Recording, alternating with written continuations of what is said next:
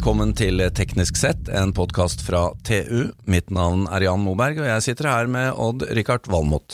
Hei, Jan. Odd-Rikard, i dag eh, skal vi snakke om et tema som akkurat nå, i denne timen, antagelig ligger på topp av ditt favoritt, eh, favorittspekter av 687 favorittemaer. Ja, men jeg har jo vært inne på det, at dette er nå topp interesse.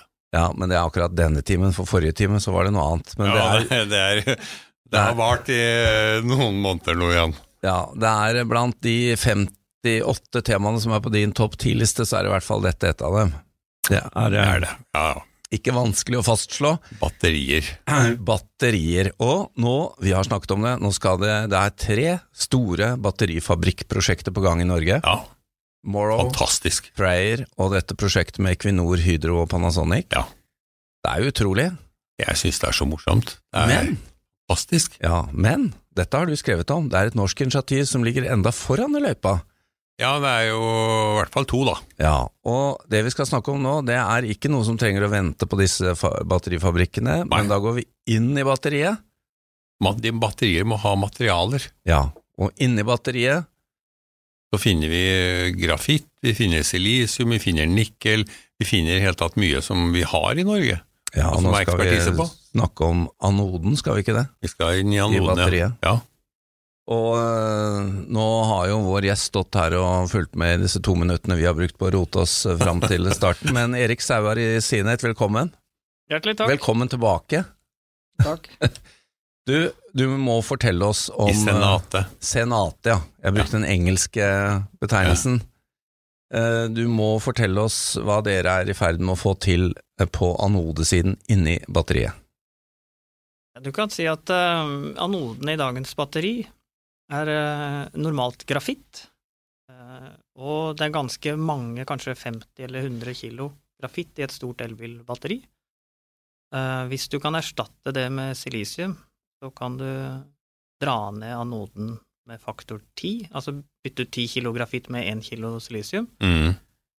Men det er veldig krevende å få til å holde i like mange eh, kilometer kjørelengde. Vi har jobbet veldig med å lage et avansert nanosilisiumpulver som Ja. skal kunne eh, kjøre 200 000 km uten å degradere så veldig mye. Og så snakker vi om selvfølgelig ikke 100 med en gang, vi snakker om å blande inn mer og mer og mer. Ja. Og så må vi jo legge til da, at Elkem er på gang med en norsk eh, grafittfabrikk. Ja, det, det er riktig, det har vi Ja. også snakket om. Men uh, dette er jo interessant, fordi for oss um, uh, legfolk så tenker vi på et batteri som en ganske sånn ja, stille og rolig teknologi. Vi ser jo ikke at det foregår noe mekanisk. Men når dette brukes, så er det jo snakk om at det skjer noe inni der av ekspansjon og sammentrekninger. Mm. Og det er dette som er noe av utfordringen. Ja, fordi en sånn eh, silisiumatom, det kan ta imot så mye som fire litiumatomer, men da vokser det også i størrelse, og det at partikkelen vokser gjør at den har litt risiko for å sprekke opp, den har litt risiko for å flytte på seg, Mm. og hver gang den vokser, så får den også et lite belegg, som når partikkelen da krymper igjen ved bruk, utlading, så faller det belegget av, den flasser liksom av. Du må løse, vi og vår eh, kunder, som det er batteriprodusenten, vi må i fellesskap løse de problemene. Plast, er ikke det noe sånn head and shoulders som fikser det? Anodeflass er jo da et nytt begrep, har jeg skjønt, Ja. og som da fører til degraderte batterier, selvfølgelig. Ja, Så det problemet må løses. Og sammen med våre kunder så har vi kommet ganske langt i å løse de, den trioen med problemer som jeg nettopp beskrev. Ja, Hva snakker vi om da? Altså, når kan eh, de første produsentene begynne å bruke, bruke løsningen deres? Vi sikter jo mot eh, 2023 og 2024.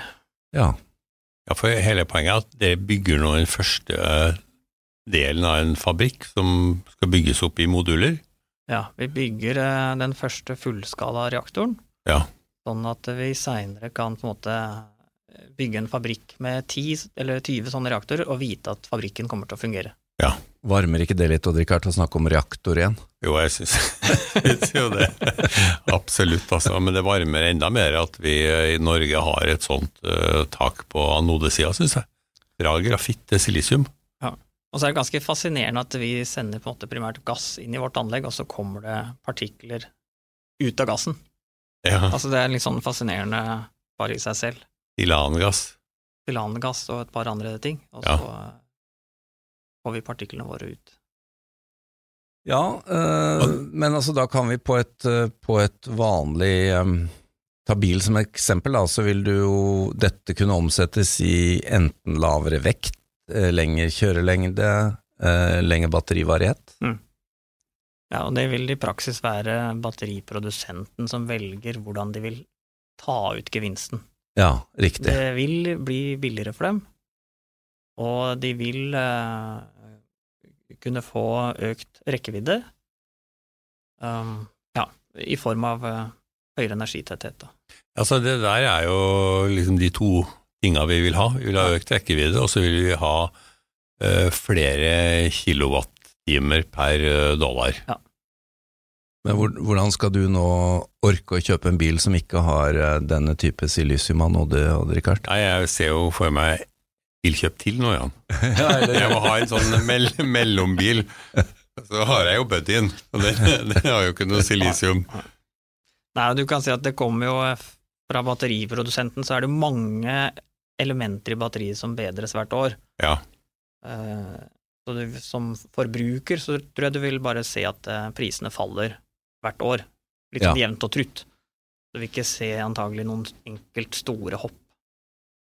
Nei, og det er jo interessant også uh, at eh, disse batteriene, og Nissan Leaf var vel først, har jo egentlig holdt lenger enn det kanskje folk trodde eller ble advart om da de kjøpte de første bilene. De, Mm. Disse batteriene har jo hatt imponerende levetid. Nei, det, det er klart, de første batteribilene så var jo produsenten sikkert redd for å garantere for mye og få 30 000 biler i retur. Så de har sikkert vært litt forsiktige med de garantiene. Ja. Og så har vel kanskje forbrukerne også vært litt forsiktige. Og vi ser jo på en måte at eh, noen av produsentene, som Tesla i dag, guider forbrukeren til å gjøre sånn og sånn, så lever batteriet ditt litt lengre. Ja. Mm. Og så styrer du på en måte forbrukeren til å hjelpe produsenten å, å forlenge ytelsen. Ja, for det er jo, her er det jo mange, mange dimensjoner, har jeg skjønt, og du har jo fortalt litt om dette tidligere, Erik, nemlig at eh, et, hvis du har et lite batteri, så blir det jo mer belastet fordi at eh, du bruker mer av batteriet, altså hvis folk kjører like lenge, da, så det er, det er jo interessant dynamikk vi er i ferd med å lære oss her, Mm. om hvordan disse tingene fungerer.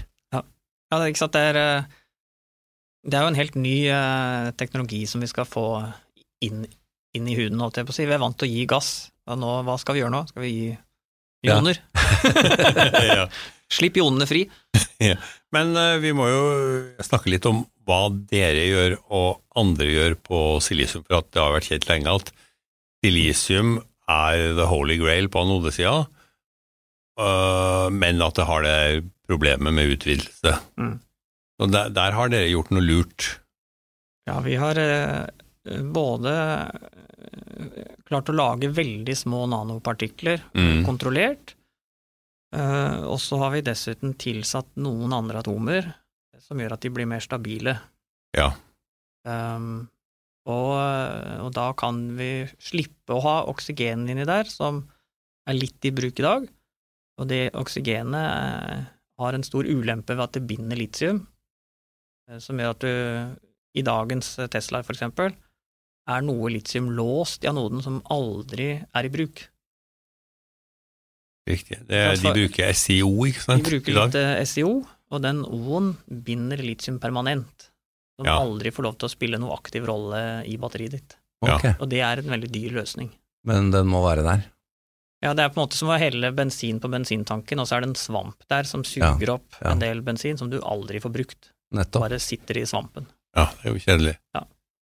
Men jeg har også skjønt at eh, noe av hemmeligheten deres er også å lage disse, eh, oss- disse små partiklene, og også at de tåler denne ekspansjonen og krympingen da, som du snakket om.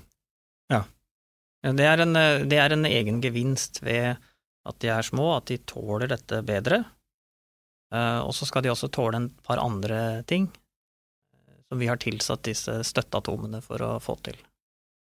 Og et poeng med at de er så små, er at de også får da samlet sett veldig stor overflate, har jeg skjønt. Ja, Og det har eh, både en ulempe, for du må passe litt på hele den overflaten, men det har jo en stor fordel i form av at eh, det, når jonene skal inn i silisiumet, så er det mange steder de kan gå inn. Ja.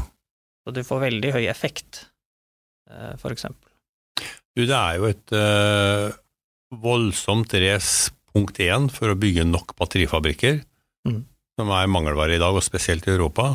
Og så er det et race for å få den beste teknologien. Mm. Så dere, dere rir jo begge kurvene her. Ja, så her er det Det er jo ulempen med å være i en hot sektor, at det er mange som eh, fighter om dette, å finne den beste løsningen. Mm. Eh, det vi er veldig fornøyd med, er at når vi er vår fremste samarbeidspartner, så føler vi absolutt at vi ligger eh, helt forrest i den løypa. Og det er selvfølgelig hemmelig hvem som er hva? Det er dessverre hemmelig, eh, antagelig fram til vi bygger fullskalaanlegg. Det er hemmelige kunder, hemmelige samarbeidspartnere, hemmelig Teknologi? teknologi. Ja, det er det dessverre Det er veldig spennende det her, Erik. Allikevel eh, står han her og snakker med oss, Odd-Rikard. Ja, ja, men det er, jo, det er jo en veldig viktig del i på en måte, det norske batteriinitiativet. Mm. For jeg vil jo tro at uh, europeerne er jo veldig interessert i det her.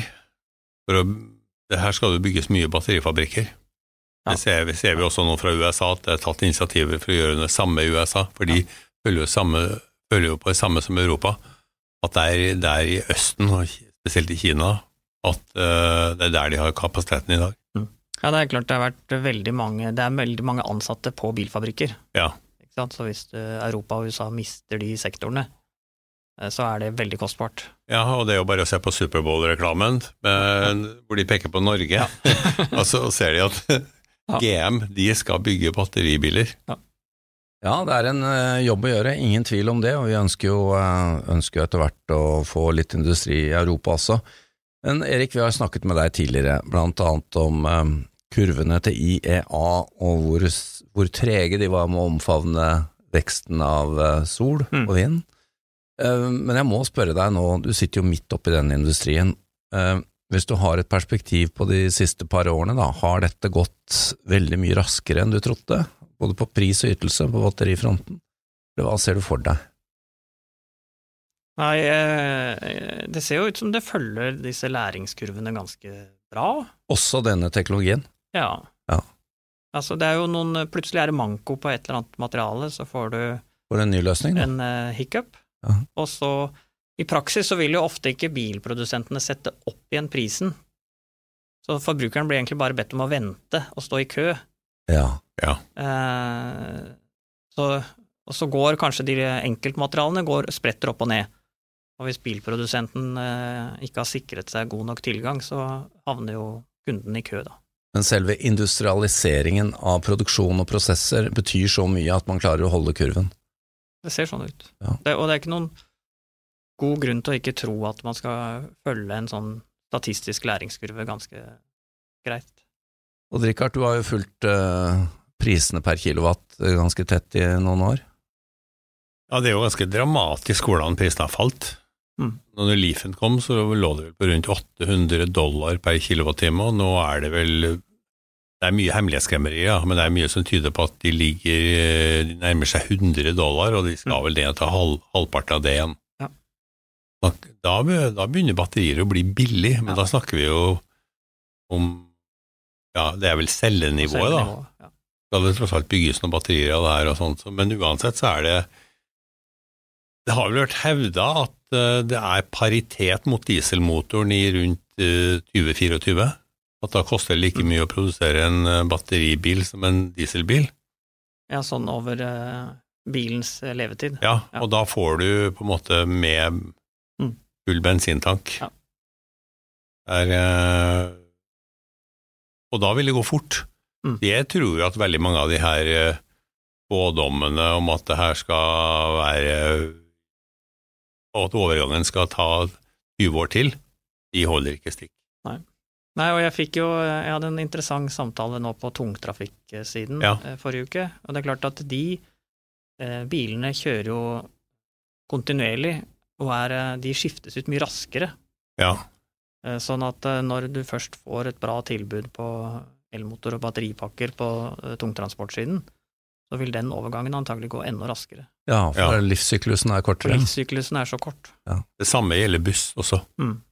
Der har du en fem-seks år kjøretid, og så er det utskifting.